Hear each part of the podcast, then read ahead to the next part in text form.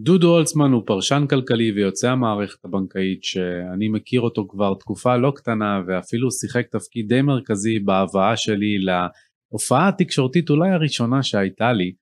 אה, אז אני שמח להביא אותו לפודקאסט מדברים קריפטו כי יש לא מעט דברים שאנחנו צריכים לדבר עליהם בין היתר על המערכת הבנקאית שממנה הוא יוצא, איך מטבעות דיגיטליים נכנסים למשוואה בתור תחליף או בתור אלטרנטיבה וכמובן שהמצב הכלכלי, מוניטרי, גיאופוליטי המטורף שבו אנחנו נמצאים היום בהחלט מצדיק פרשנות ממישהו שעושה את זה כבר תקופה מאוד ארוכה. אז ברוכים הבאים לפודקאסט מדברים קריפטו, אנחנו שמחים שאתם מאזינים שלנו בכל האפליקציות, נשמח לראות אתכם מדרגים אם אתם אוהבים את התוכן, ואני רק מזכיר שהפרק הוא לא המלצה להשקעה או המלצה לפעולה מכל סוג, אלא אתם פועלים באחריותכם הבלעדית.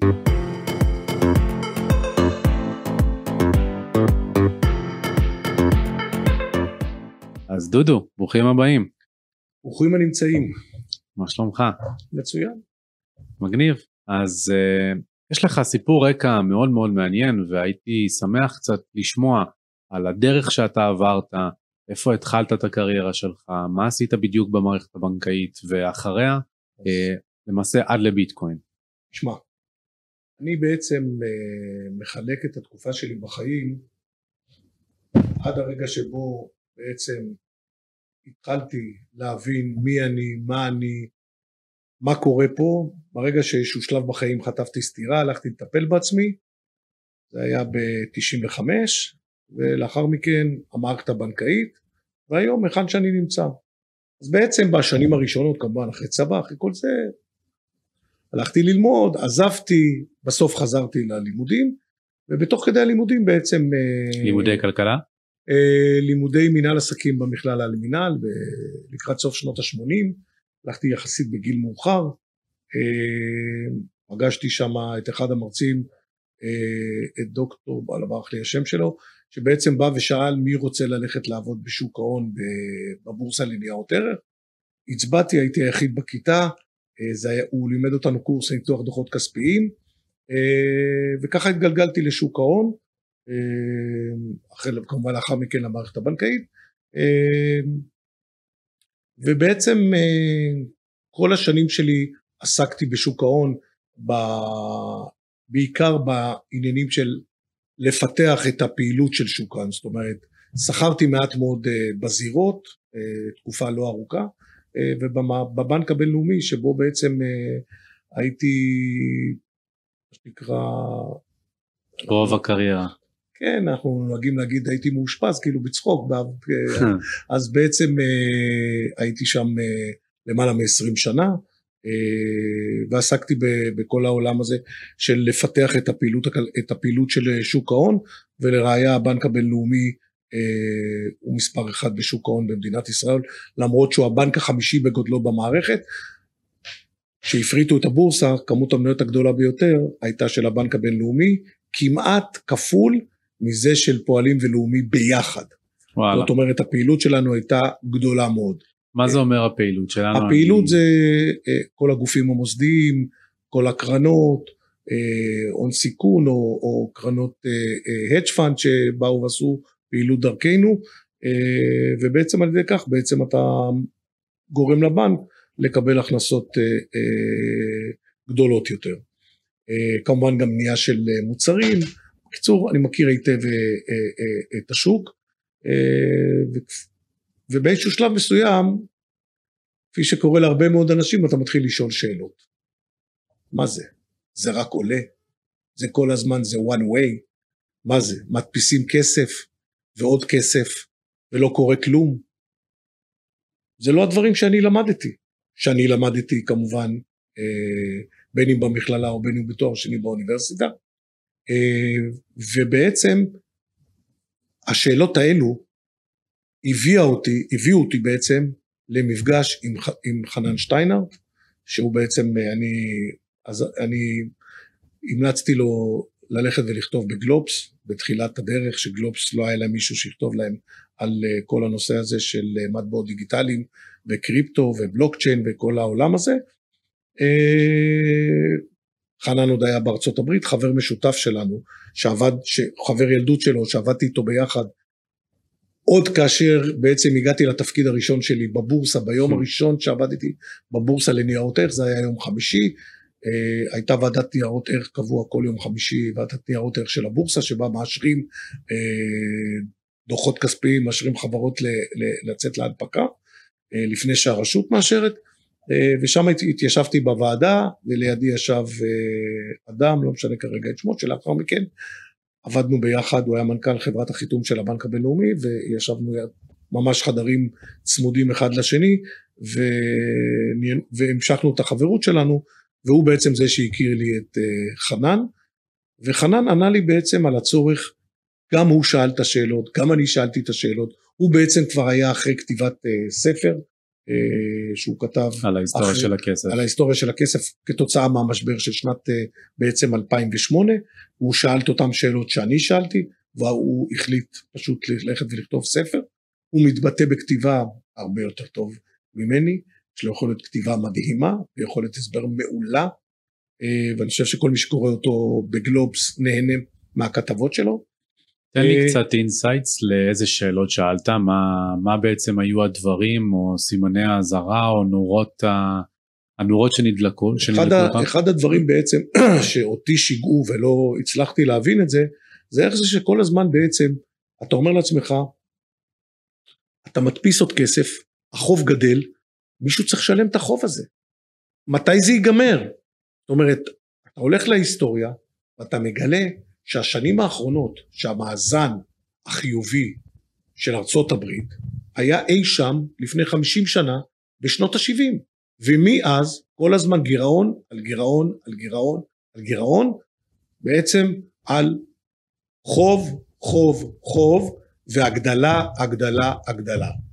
אתה שואל מתי ייעצר הסיפור הזה? אי אפשר כל הזמן לחיות על חוב לנצח, מה שאנשים כל הזמן חושבים, בסדר, אז עכשיו אנחנו בתקופה לא טובה, עכשיו אנחנו רואים את הכלכלה הולכת למטה, אז ידפיסו עוד כסף. אני מסביר להם, באיזשהו מקום, ההדפסה הזאת, תראו מה שהיא גורמת, היא מפרקת את הכל. בסופו של דבר היא תיצור התלקחות, וראינו נקודה מסוימת של התלקחות בין אוקראינה לבין אה, רוסיה, והיא ממש נקודתית, אבל היא יכולה להתלקח משם למהומת אלוהים. וזה, אתה יודע, זה תלוי גם בסופו של דבר מי המנהיגים שעומדים. כן. ופוטין הוא לא בדיוק המנהיג, אתה יודע, שאתה יכול לזה... לצפות ממנו. לזה אני באמת, אנחנו, אני רוצה שניגע בזה בהמשך הפרק, אבל כן היה חשוב לי באמת, אה, מה שנקרא to pinpoint יותר את השאלות שעלו לך, שזה באמת אותן שאלות שלי עלו והובילו אותי למסע שלי לתוך ההיסטוריה של הכסף, שבין היתר כלל גם את החומרים שכותב בצורה נפלאה אה, חנן. אז מה, מה וחנן אתה, מה חנן ואתה עושים ביחד? אז קודם כל התחברנו מאוד מאוד מאוד, ובעצם אה, אני השקעתי גם אצל חנן וגם אצל אה, חבר נוסף של חנן, שאני מניח שאתה מכיר אותו, את לוי, ובעצם לקחנו את שני הסטארט-אפים האלו ביחד, איחדנו אותם לחברה אחת, הנפקנו אותם בבורסה בקנדה, אה, ובעצם אה, זאת מערכת התשלומים העתידית שאנחנו רואים אותו בעצם להגיד לך את גולת הכותרת זה בעצם חשבון הבנק העתידי. בסופו של יום ואני קופץ איתך רגע למערכת שממנה באתי בעצם מה זה בנק? בנק הוא מתווך של כסף. היום כבר הוסיפו לו הרבה מאוד פעילויות שקיימות במערכת הבנקאית אבל basic של ה basic של ה basic בנק הוא מתווך של כסף אתה מפקיד כסף אצל הבנק והבנק לוקח אותו ומלווה את הכסף הזה לצד האחר, למי שזקוק לכסף. הוא מחליט באיזה ריבית, הוא רואה את רמת הסיכון, אבל אתה כלקוח שבעצם יש לו את הכסף הזה בתוך הבנק, לא רואה פירות לכסף שלך, לא רואה פירות לפיקדון שלך. ואני אומר, לא, זה לא יכול להיות. אין מצב כזה שצד אחד לוקח את כל השמנת, הקצפת ואת העוגה, והצד השני, שהביא בעצם את הכסף, לא רואה בזה כלום. ובעצם אני אומר, נכון שזה משהו שהוא מושרש, הוא קיים, הוא כמה מאות שנים, אבל גם הדברים האלו בסופו של דבר השתנו.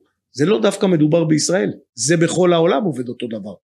כן, לא, חד משמעית, והתפקידים של הבנק גם באמת אה, חצו מזמן בעיניי את ה... רק לתווך כסף, זה כבר מזמן לא מה שהבנק עושה, זה נכון, הוא מייצר כסף מהאוויר, יש מאין, זה לא ש... נכון, אה, אה, שאני בא ושם אה, פיקדון בבנק או אפילו בחשבון חיסכון זה לא שעכשיו אם מישהו אחר יבוא ויקח משכנתה אז הפקידים ביניהם מחליפים אה, הודעות תגיד יש למישהו כסף למשכנתה להביא לי? לא פשוט ממציאים את זה מהאוויר ואני חושב שזה משהו שלא מסו, לא מדובר עליו מספיק ב, בסביבה וזה בין היתר חלק מהסיבה שאתה כאן. אה, אז אתה חנן ולוי אה, בעצם מנסים ליצור אלטרנטיבה למערכת הבנקאית חשבון בנק עצמי. רוצה לתת על זה כמה מילים או שנקפוץ לביטקוין? לא נקפוץ ישר לביטקוין, מכיוון שזה זה רק בחיתולים, זה בהתחלה, אה,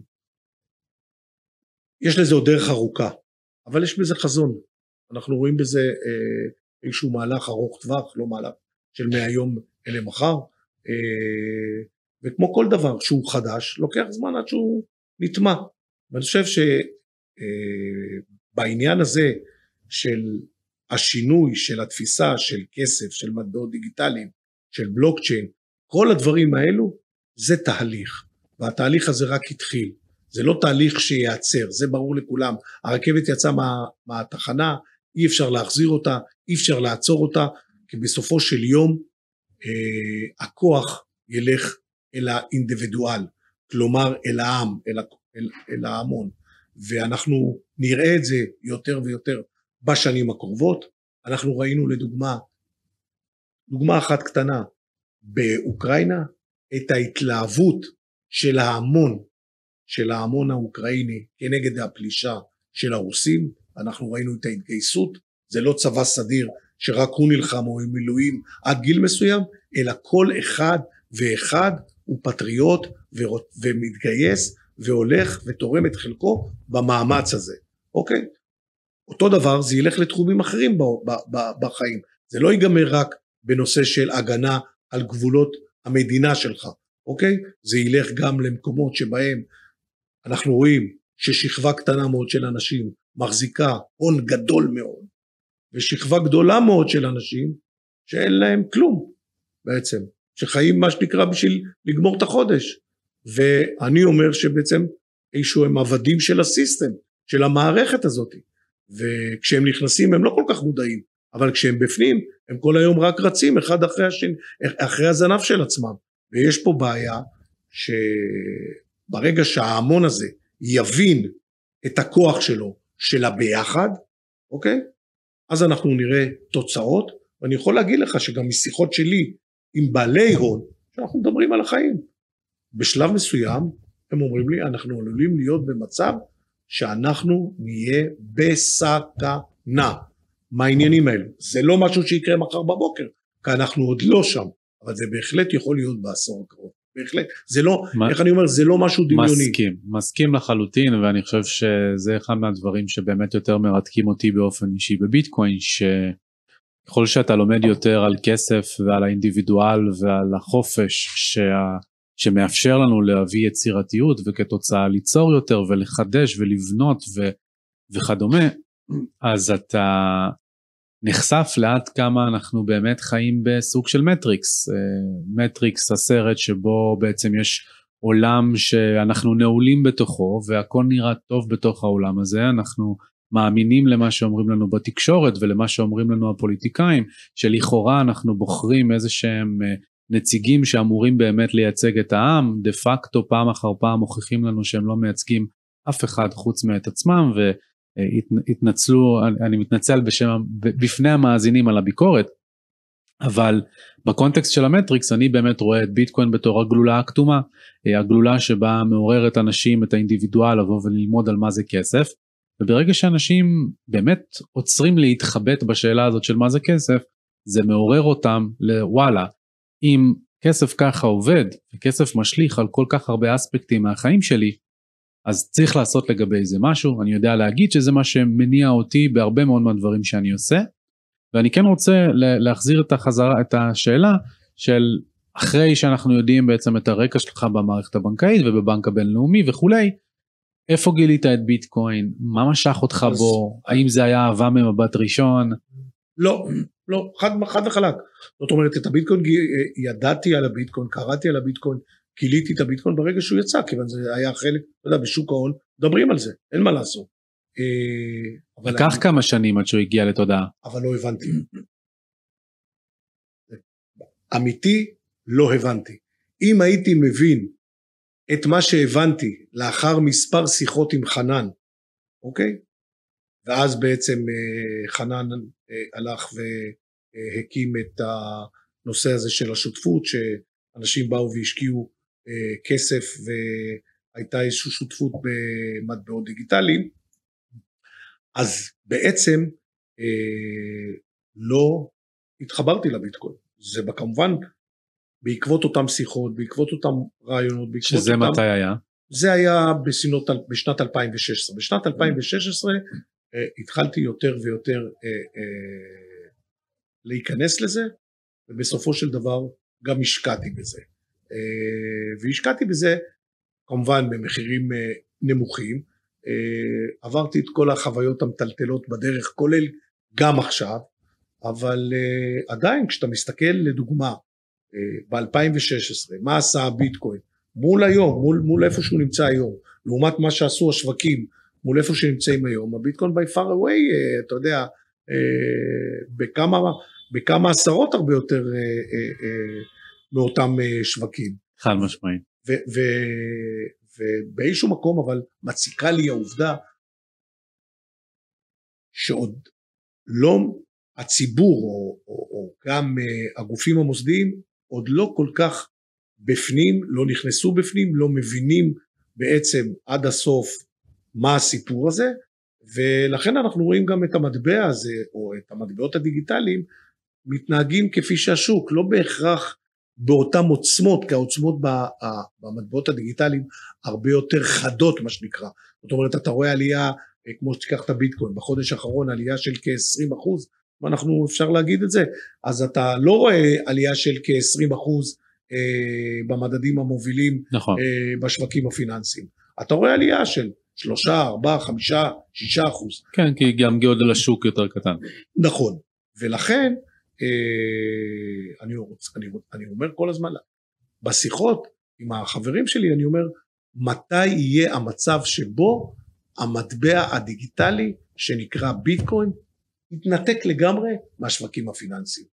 אני חושב שכרגע ואני מניח שאתה מסכים איתי, אנחנו רואים סוג של ניקוי אורוות, כל החברות האלו, כמו צלזיוס, כמו לונה, כמו אה, אה, חברות אה, שעוסקות במטבעות האלו בחו"ל, שהפקדת כסף והבטיחו לך לא בדיוק תשואה כי זה חלק מהעמל, אנחנו מכירים את כל הסיפורים האלו, בעצם עכשיו נופלות ומתנקות וזה עושה, ואני אומר שזה עושה טוב לשוק, אני מאוד שמח, אני לא שמח בנפול של האחרים, אבל אני שמח שהשוק הזה לאט לאט מתנקה עכשיו מכל אותם דברים שהוא לא צריכים להיות שם, כי אז בעצם מה אנחנו חוזרים?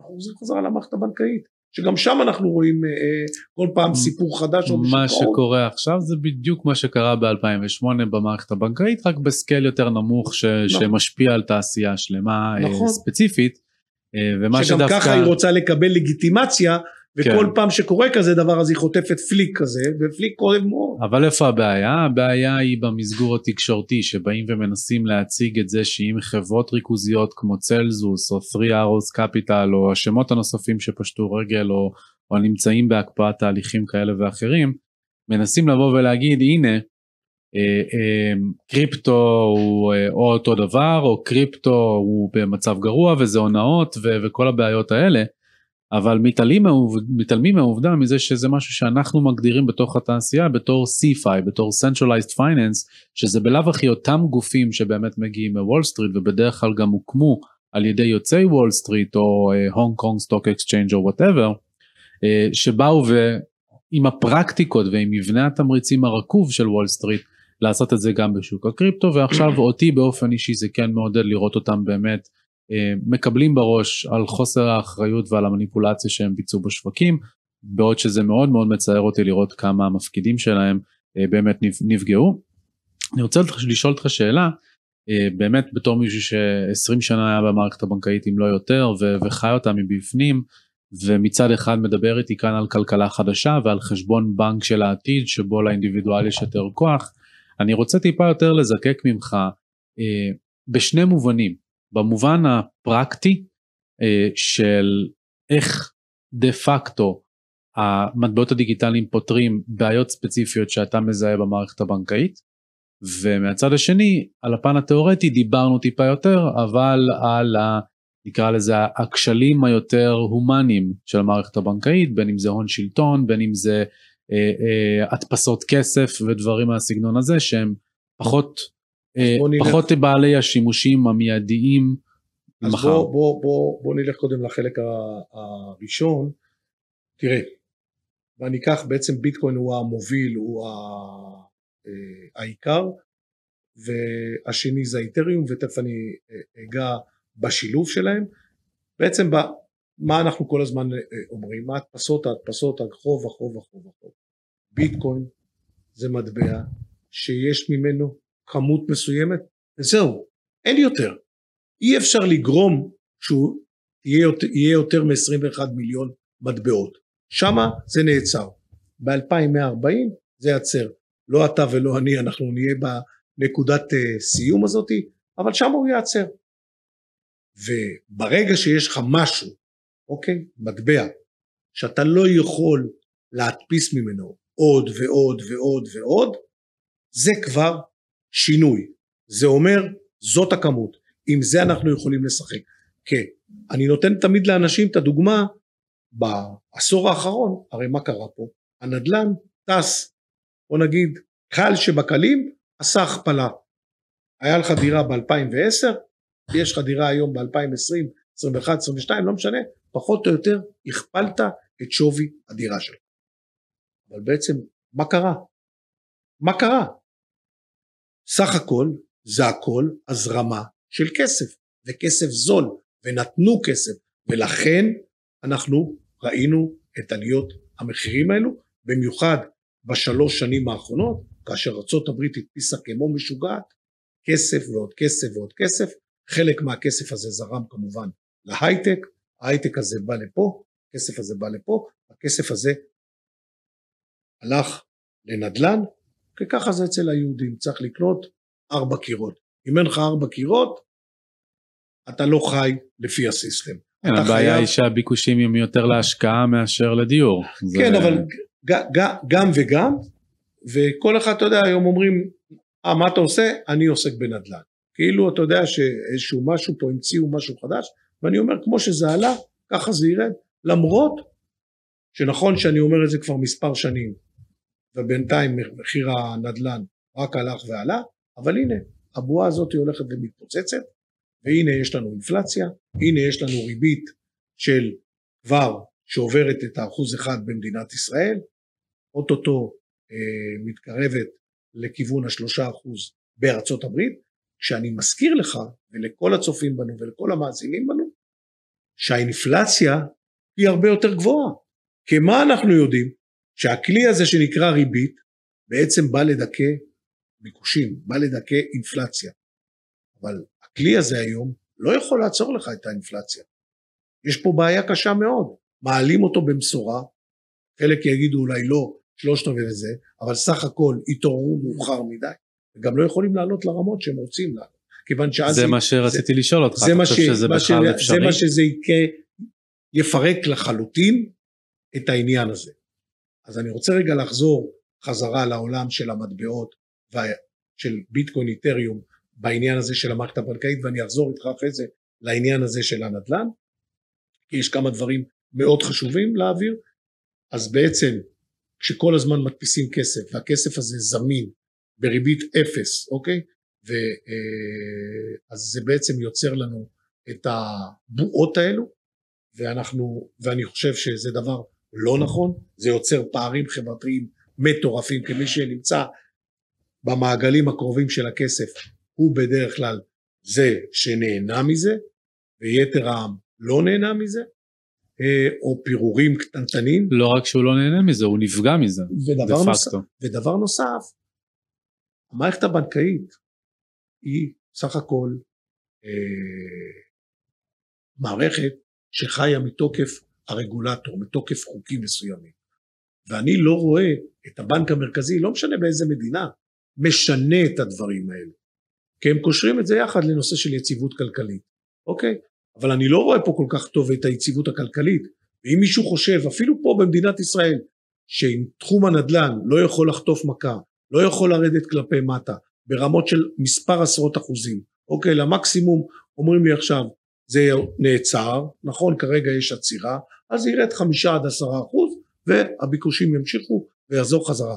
אבל אני מסביר להם חבר'ה, הכלכלה לא תהיה את אותה כלכלה ואי אפשר יהיה להמשיך להדפיס עוד כסף כמה שרוצים כי אתם רואים את הנזק ואת ההרס שזה עושה. ואני נותן דוגמה עכשיו, עכשיו בנתונים של עכשיו. מחירי ה commodities ירדו ב-30-40 אחוז, המדד האחרון שפורסם, מדד המחירים ליצרן, לא לצרכן, ליצרן, לפרודיוסרים, אוקיי?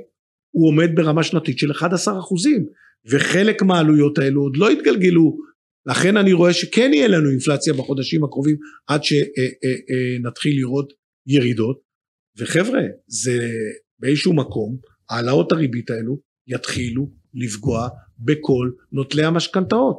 יהיה מצב שיהיה להם קשה להחזיר. רגע, ואז אני חוזר רגע עוד פעם קופץ למערכת הבנקאית, והמערכת הבנקאית כאילו היא בשבילך הלקוח הסופי, האינדיבידואל, בעצם היא סוג של גרנטי, נכון? אומרים לך בנק לא יכול לקרוס, כל המערכת תקרוס, המדינה תיפול, כל, אני מכיר את כל הסיפורים האלו. ואני אומר, יש לך את איתריום, מה זה איתריום? זה חכם. אנחנו יכולים לעשות בינינו עסקה, או אנחנו מספר אנשים יכולים לעשות בינינו לבין אינדיבידואל או לבין גוף עסקה, שכל הפרטים שלה כתובים על החוזה החכם, ואף אחד לא יכול לגעת בזה. ובקרות המקרה, אז אנחנו יודעים מה הולך לקרות. אם בנקודה מסוימת מישהו צריך לשלם למישהו, או צריך להחזיר כסף, או צריך לתת כסף, הכל יקרה. בלי נגיעה של אף אחד. אי אפשר יהיה ללכת ולהגיד לבכות, לא ידעתי, לא אמרו לי, כן, לא, זה... לא הסבירו לי, אתה יודע, לחצו אני... אותי, תחתום פה, פה ופה. אני לא. כן אהיה חייב לתת פה את הצד הקונטרה של זה, כאילו כמובן שאני אה, מאוד תומך ומאמין בהרבה מהדברים שאתה מדבר עליהם, אבל בצד הזה זה לא בדיוק נכון לומר שניתן כבר היום לעשות עסקאות. לא, אבל, זה... אנחנו, אבל, אנחנו, אבל אנחנו בדרך לשם. בדרך לשם לגמרי. אני מדבר ככותרת, אני לא. לא יורד ברמת הרזולוציה. אה, אם עכשיו אני רוצה להביא לדוגמה 100 איש ולהגיד להם אתם נכנסים לקונסורציום של מתן הלוואה לקריפטו ג'אנגל כגוף, כעסק, לדוגמה בהינתן התנאים האלו והאלו והאלו, אז בסדר, אתה עדיין אבל חייב כל מיני נדבכים שכיום לא קיימים, בין אם זה אכיפת זכויות קניין, בין אם זה אה, אה, זכויות נוספות שמגיעות לך בחוק המדינתי הספציפי שבו איפה אתה נמצא, שברור שזה חוצה גבולות וברור שיש לזה פתרונות ו- וכולי, אה, אבל גם כן צריך לבוא ולסייג את זה ולומר שתמיד יהיה לך, או לא תמיד, אבל בהרבה מאוד מהמקרים שמחברים את העולם האמיתי לעולם המבוזר, יהיה לך צורך לשאול ודווקא כן לרדת לרזולוציות וכן לרדת לעומק למה, אה, אה, איך מזינים את המידע. זאת אומרת על בסיס מה החוזה החכם האוטומטי לכאורה הולך לקבל את ההחלטה כן או לא להחזיר כסף, לשלם כסף וכל הדברים האלה. לא ניכנס לזה עכשיו כי זה לא... לא, אבל תהיה, אני, אני, אני, אני אומר שתהיה הסכמה בין הצדדים שיגידו שמדדים כאלו ואחרים מוסכמים עלינו. כן. אז ברגע שאנחנו... אבל אז מאיפה אתה מקבל את המידע על המדדים? יש לך הרבה שאלות פה מאוד נכון, אבל, אבל, אבל, אבל, אבל אנחנו בדרך לפתרון הזה. זאת אומרת, אנחנו לא נמצאים במרחק שנות אור ממה שאנחנו מדברים.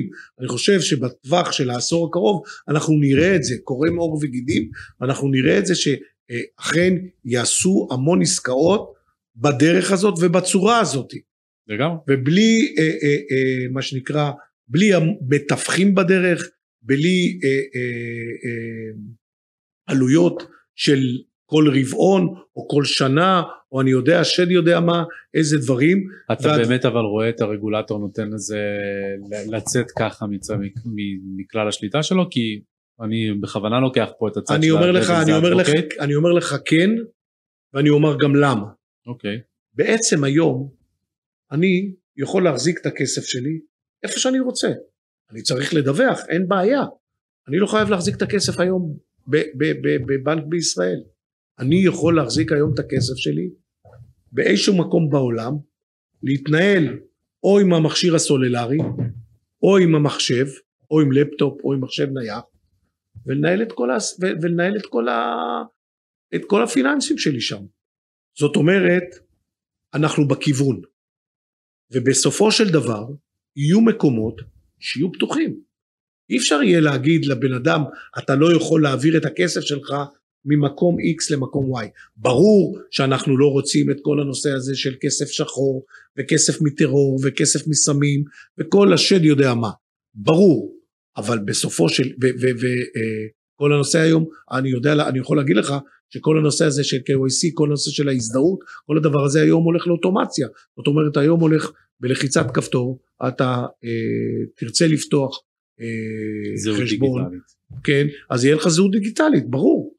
הדבר הזה אנחנו... כן, אנחנו... שהרבה מהדברים האלה דווקא יותר מפחידים, ודווקא בקונטקסט של, אה, של הלבנת הון ומימון טרור והעלמת מס וכל הדברים האלה, למעשה מה שאנחנו רואים עכשיו זה את המגמה ההפוכה לחלוטין של הרגולטור, בין אם זה החמרה של חוקי המזומן, שעכשיו אה, מתחת ל-6,000 שקל. אפשר, אי אפשר לעצור את המזומן. אי אפשר. זכור טוב את המילים האלו, תמיד יהיה מזומן. אי אפשר. אתה לא יכול. אתה הולך... אני חושב שבסופו של דבר המזומן יעבור דרך המכשירים שאני ואתה מדברים עליהם. דרך אבל הפלטפורמות. אבל אז זה לא באמת מזומן. אבל זה מזומן. אתה מדבר על, על כביטקוין או על לא, כ- כמטבעות, לא, גם לא, כמטבעות לא, דיגיטליים. אז פה חייבים לעשות בעצם את הסדר, כי, כי מה שחשוב להבין לגבי כסף מזומן והדבר שהוא נותן לנו בתור הערך המרכזי ביותר שלו, זה קודם כל את היכולת להחזיק באמת את הכסף אצלנו, וברגע שאתה מדבר איתי על uh, Central Bank Digital Currency, על מטבע דיגיטלי של בנק מרכזי שלכאורה יחליף את הכסף מזומן, זה לא באמת כסף שלי, כל אחד בלחיצת כפתור, כל פקיד של הבנק המרכזי יוכל בלחיצת כפתור אחת לשנות לך את, את השווי של הכסף שלך, לשנות לך כאינדיבידואל ספציפית כי דיברת על הבנק המרכזי לא יפה, ישנה לך את הריבית פתאום שתהיה לך 10% ולא אחוז ו whatever. ההמון, ההמון לא ייתן לזה. לא ייתן, לכן... ההמון בינתיים, ורק דיברנו נכון. על מטריקס, הולך בעיניים עצומות לעבר מקום שהוא לא משאיר כל כך ברירה, אנחנו מקבלים את החוקי מזומן ואנחנו לא... תראה, אתה צעיר ממני בהרבה שנים. החבר'ה היותר צעירים ממך, הם מתחברים לעולם, לעולם העתידני.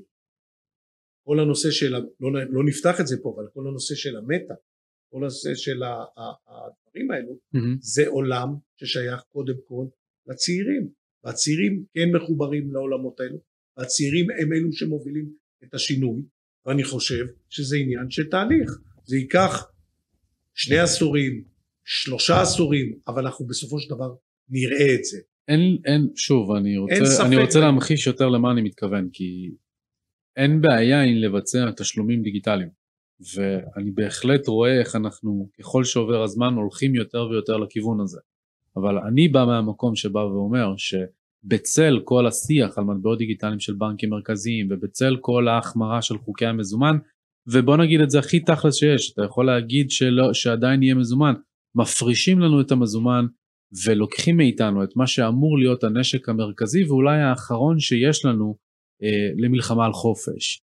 זה למעשה אומר שהיום כל הרישומים שלנו הם כבר דיגיטליים, הדרכון שלנו הוא דיגיטלי, ביומטרי, התעודת זהות שלנו דיגיטלית, הכל דיגיטלי, והדבר וה, היחיד, בול, ו, ואנחנו, אה, אה, אני באופן אישי רואה את זה בתור, בתור צומת חשובה בהיסטוריה האנושית, צומת חשובה שבה נבין האם זה באמת ביטקוין ומטבעות דיגיטליים שיצליחו לצאת כמנצחים גם עם האג'נדה והאידיאולוגיה, ולא רק כי הם טובים יותר, שימושים יותר, זולים יותר, מהירים יותר. כי את כל הדברים שעכשיו תיארתי באמצעות שיווק ופרופגנדה וכסף רב אפשר לגרום לאותם צעירים שמה, שרוצים לחיות במטא ובאינסטגרם ובטיק טוק שלהם אז אפשר לגרום להם לבוא ולהגיד אה ah, יש לי עכשיו כסף מזומן של בנק מרכזי שהוא מחובר לאפל פיי שלי אז מה אני צריך את ביטקוין? לא צריך את ביטקוין אלא אם כן אני מודע לגלולה הכתומה. אלא אם אני אז... מודע לחופש שאני רוצה. בדיוק. אבל, לשם אנשים ילכו בסופו אלא, אם, הם לא, ואז אתה תהיה נעול במערכת. נכון, אבל, אבל אני, אני, עוד פעם, זה הערכה כן. שלי, זאת אומרת שאנשים אה, אה, אה, רוצים לקבוע לעצמם ושלא מישהו אחר יקבע להם, כן. אוקיי? ברור שאתה חייב שיהיה סדר ולשלוט, ואחרת תהיה אנדרלמוסיה, יהיה אנרכיה, לא שם אנחנו רוצים להיות, אבל לפחות בקטע הפיננסי שלנו, בקטע של הנכסים שלנו, של הכסף שלנו, אנחנו רוצים להיות חופשיים. אני חד וחלק אומר... זה, ש... זה זכות הקניין היא הראשונה בזכויות האדם. בסדר, נכון, ולא תמיד, אתה יודע, לא תמיד אנחנו מצליחים לשמור על הזכות. לגמרי. אנחנו כאינדיבידואל, עם מישהו אחר. אה, זהו. אני רוצה uh, to switch gears קצת, ובאמת לדבר על המקום שבו אנחנו נמצאים. כי uh, זה די השתרבב בין לבין בכל השאלות והתשובות שהיו כאן לאורך השיחה. אה, אבל אני אה, ואני חושב שגם אתה יוצאים מאיזושהי נקודת הנחה שאנחנו נמצאים היום במקום די חדש אולי קצת ישן זאת אומרת עם, אה, עם דמיון לתקופות שהיו בהיסטוריה האנושית שאנחנו יכולים ללמוד מהן אבל אנחנו במקום היום שבו הריבית באה מתקופה מאוד מאוד ארוכה שהיא נשארה באפס כלומר של מחיר הכסף על פני זמן אין ערך. מהצד השני לשם שינוי האינפלציה באמת התחילה לדפוק בדלת ורושמת שיאים שלא ראינו אותם הרבה מאוד זמן. כתוצאה אנחנו רואים את הצורך של בנקים מרכזיים להעלות ריבית כדי לפחות לכאורה להילחם באינפלציה הזאת. אממה, החוב של הממשלות ועוד הממשלות המפותחות והחשובות והמשמעותיות ביותר לכלכלה העולמית נמצא ב-level כל כך גדול בכל אספקט אפשרי, הן בפן הציבורי של חוב ממשלתי והן בצד הפרטי של המגזר העסקי ומשקי הבית, אז זה נראה כאילו אנחנו באיזושהי מלכודת, מלכודת שמשחקת בכל העולם ביחד, בין אם זה ב... נקרא לזה אזורי הסחר המשמעותיים שזה ארה"ב, אירופה, יפן וסין, אה, וכל זה יש גם את המשבר האנרגיה ואת המלחמה בין רוסיה ואוקראינה שעלולה להתפתח למשהו גדול מזה וכולי. אני רוצה קצת לקבל ממך תמונת מצב של איך אתה רואה בעצם מה שקורה היום, איך אתה חושב שזה ישחק לשנים הקרובות, ולסיום סיומת קצת נגיעה באמת על איך זה נוגע בנו בתור ישראלים, זאת אומרת איפה אתה רואה אותנו חשופים ביותר לדברים שהרגע דיברת עליהם. אז קודם כל אני אגיד שבעצם פרט ששכחתי בהתחלה, אחת השאלות שעלו, כי עכשיו אני, אתה יודע, זה חוזר לי, אחת השאלות שלי היה, עלו זה איך בסופו של דבר אנחנו, יותר אתם, דורות אלו שאחריי, בעצם יוכלו ליהנות מהפנסיה שלהם. האם באמת זה שאתה חוסך כסף בקרן פנסיה, תוכל לקבל את הכסף הזה, מה שאתה מתכנן, בעוד 20-30 שנה, אוקיי? או 15 שנה. ובעצם מה שאני רואה, מה שאנחנו אה, אה, כחברים קרובים שאנחנו יושבים ומדברים על הדברים האלו אז בעצם אנחנו רואים אה, את התחלת כרגע אנחנו בעצם הקורונה זה היה סוג של פגיעה ראשונה מה שנקרא בבלון המנופח הזה של חוב של בועה גדולה מאוד של נכסים.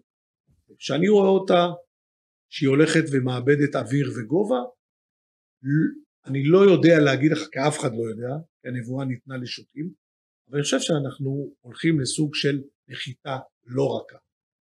והנחיתה לא רכה אני לא יודע מאיפה היא תבוא כי פתאום אתה רואה אה, אה, את הסיפור הזה של רוסיה ואוקראינה כיצד הוא מתפתח. יש לנו היום את הגוש הזה של אירופה וארצות הברית כנגד המזרח כנגד לדוגמה סין ורוסיה מצד, ה, מצד שני, שבסופו של דבר זה אגו של אנשים. והמנהיגים האלו שעומדים בייחוד, אתה יודע, אצל הסיני, אתה לא יודע למה לצפות. הרי הוא לא חושב כמוני וכמוך, ולא חושב כמו המערב. המערב. אה, פוטין זה בחור שעושה איך, מה שבא לו. ובצד השני, נכון שכרגע את טראמפ, טראמפ עשה הרבה מאוד נזק אה, בעולם. פה אני אחלוק עליך, אבל אוקיי. אוקיי. אה, ואני לא יודע איזה מנהיגים יהיו. הנקודה שבה נהיה בנקודה הקריטית שהיא לא רחוקה, זה לא משהו שיקרה בעוד עשר שנים. אני חושב במהלך השנים הקרובות אנחנו נראה דברים שאני אומר כל הזמן משפט קבוע, המציאות תעלה על כל דמיון בכל תחום ותחום ונקודה בחיים שלנו, בכל רגע בחיים שלנו, אנחנו רואים דברים, אנחנו לא נאמין בהם. עכשיו המוח האנושי שלנו, אתה יודע, תנסה לדמיין רע, בסדר? אתה לא מסוגל, אתה מסוגל לדמיין עד, עד, עד, עד, עד תחום מסוים, עד מצב מסוים, אתה לא מסוגל לדמיין אה, אה, אה, אה, דברים שיקרו לנו, ולהגיד וואלה, אתה, אתה חשבת רואה? לדוגמה, תן את הדוגמאות, אתה חשבת שהיום בבריטניה מצמצמים טיסות, כבישים מתבקעים וכתוצאה ממשבר אקלים? אם הייתי מדבר איתך לפני חצי שנה, אתה, הייתי אומר לך בקיץ בבריטניה יהיה 40 מעלות חום, או 42 או 43 מעלות חום, וזה יגרום להפסקת טיסות, צמצום טיסות, כבישים שמתבקעים, אה, תחבורה שמתחילה, אנשים שמחפשים אה, מפלטים מהחום. נתחיל רק שם, אפשר ללכת לעוד הרבה דברים.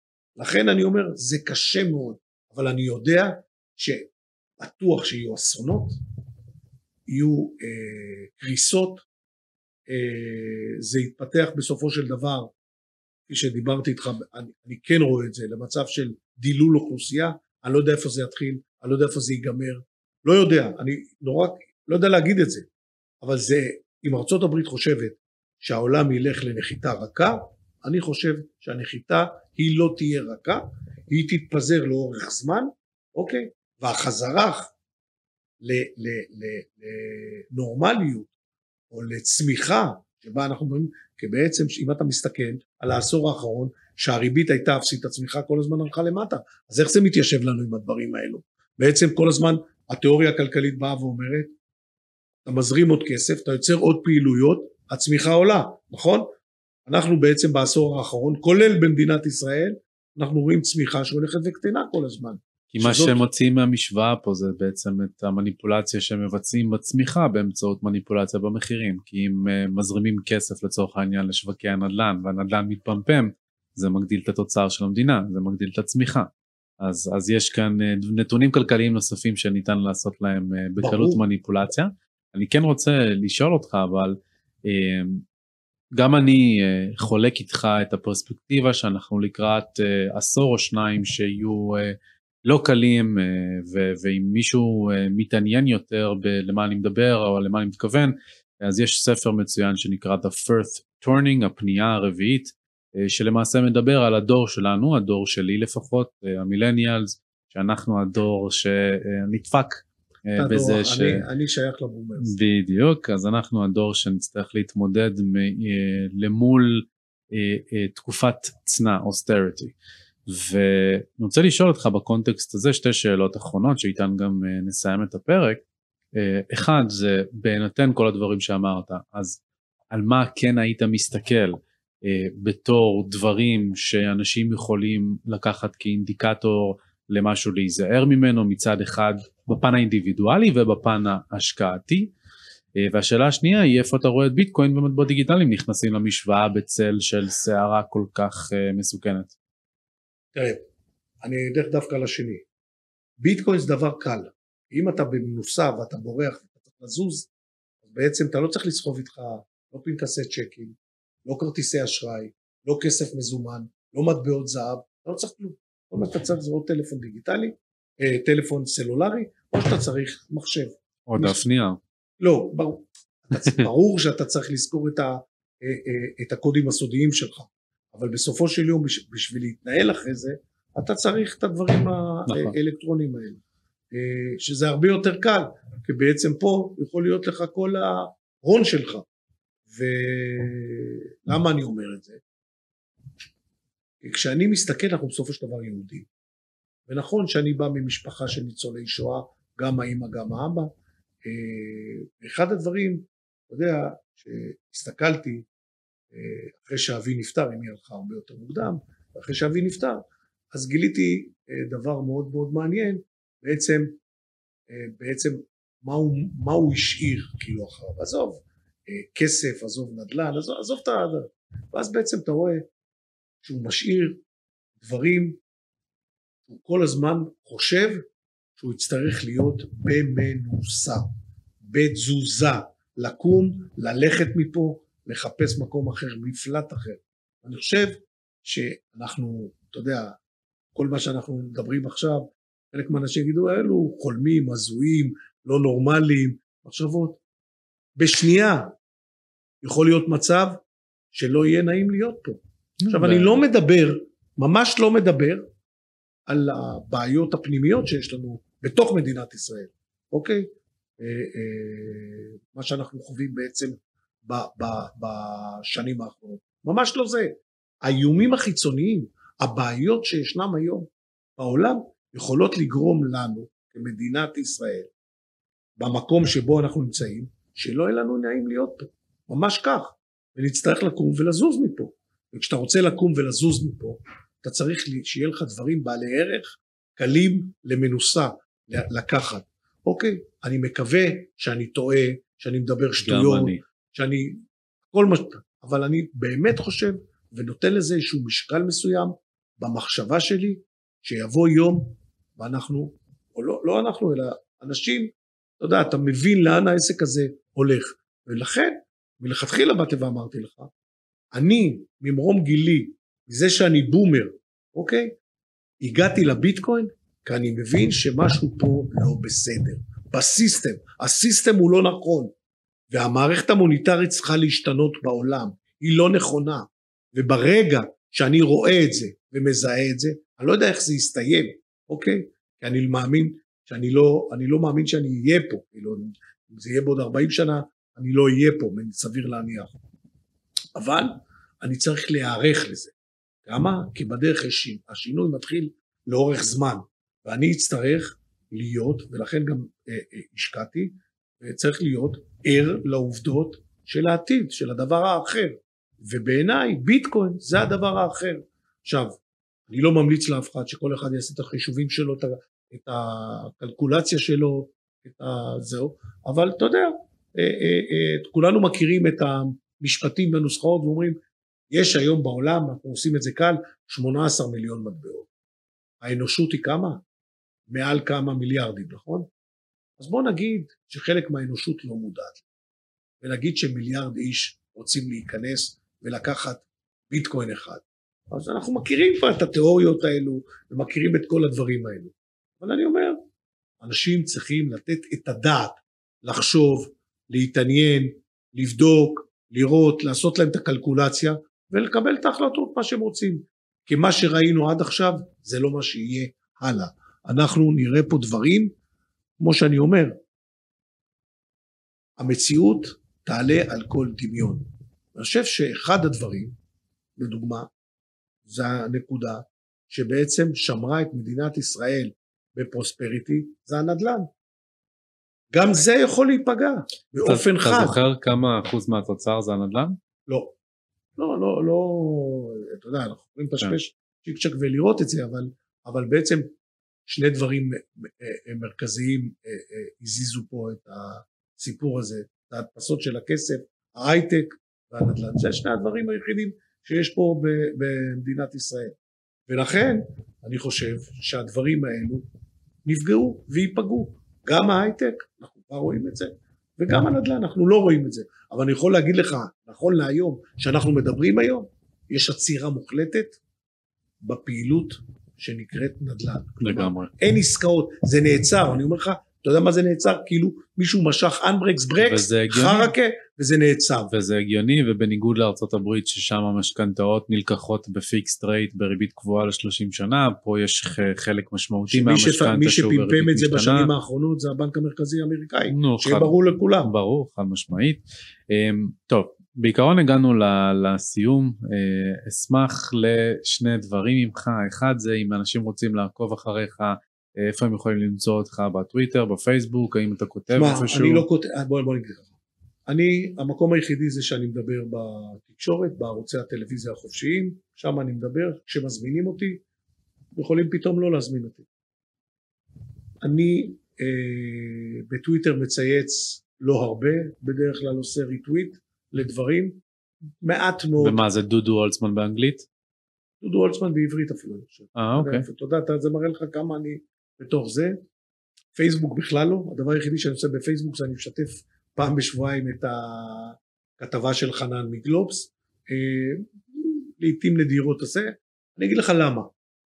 אני חושב שיש לי, לי אישית יש בעיה עם מישהו שמגיב לי שאני לא יודע מי זה. מהמם. לא שאני צריך לקבל את קורות החיים שלו, אוקיי? כן. אבל אני אדע, לדוגמה, שאם בן סמוכה מגיב לי, אז אני יודע מי זה בן סמוכה, אוקיי? זה בן אדם אמיתי.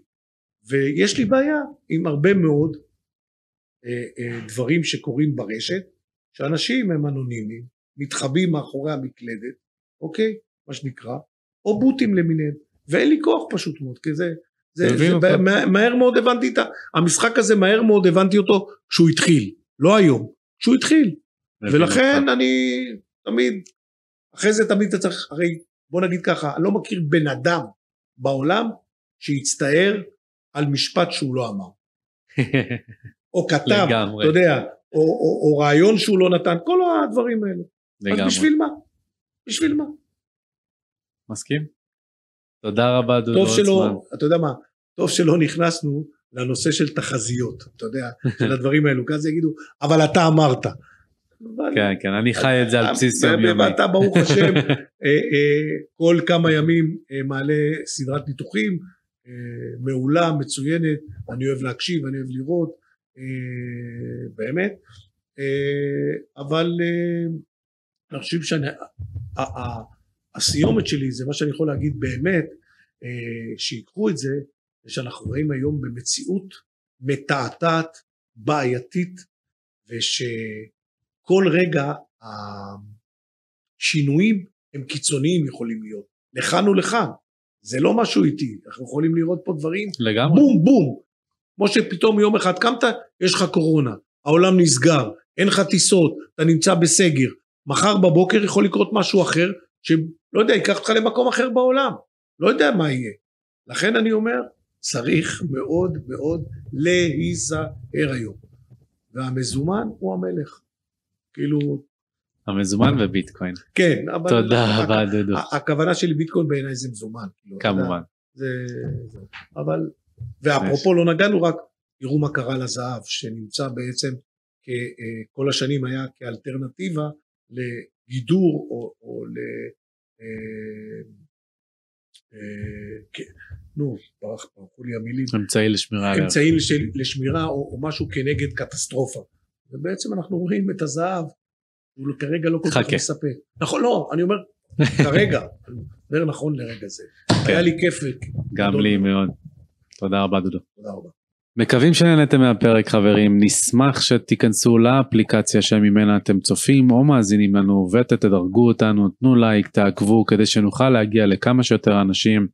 נשמח לשמוע מכם איזה נושאים תרצו שאנחנו נסקר, אתם יכולים כמובן למצוא אותנו גם בקהילת מדברים קריפטו בפייסבוק, ונתראה בפרק הבא.